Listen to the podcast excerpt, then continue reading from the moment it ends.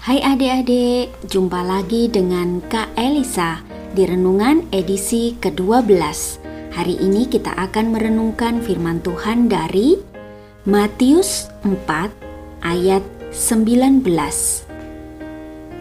Yesus berkata kepada mereka, Mari ikutlah aku dan kamu akan kujadikan penjala manusia.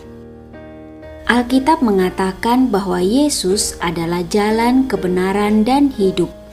Tapi tidak seorang pun akan mengenal Yesus jika tidak ada yang mengenalkannya.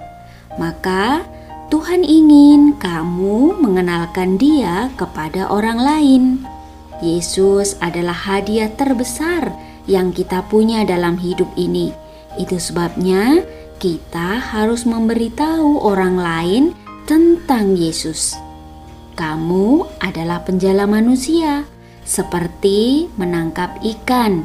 Kamu diperintahkan untuk mengajak orang lain datang kepada Tuhan Yesus. Ayo, siapkan jalamu ya.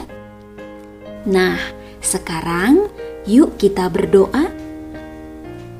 Tuhan, beri aku kesempatan untuk mengenalkan Yesus pada teman-temanku. Amin.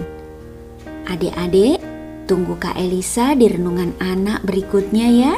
Dadah.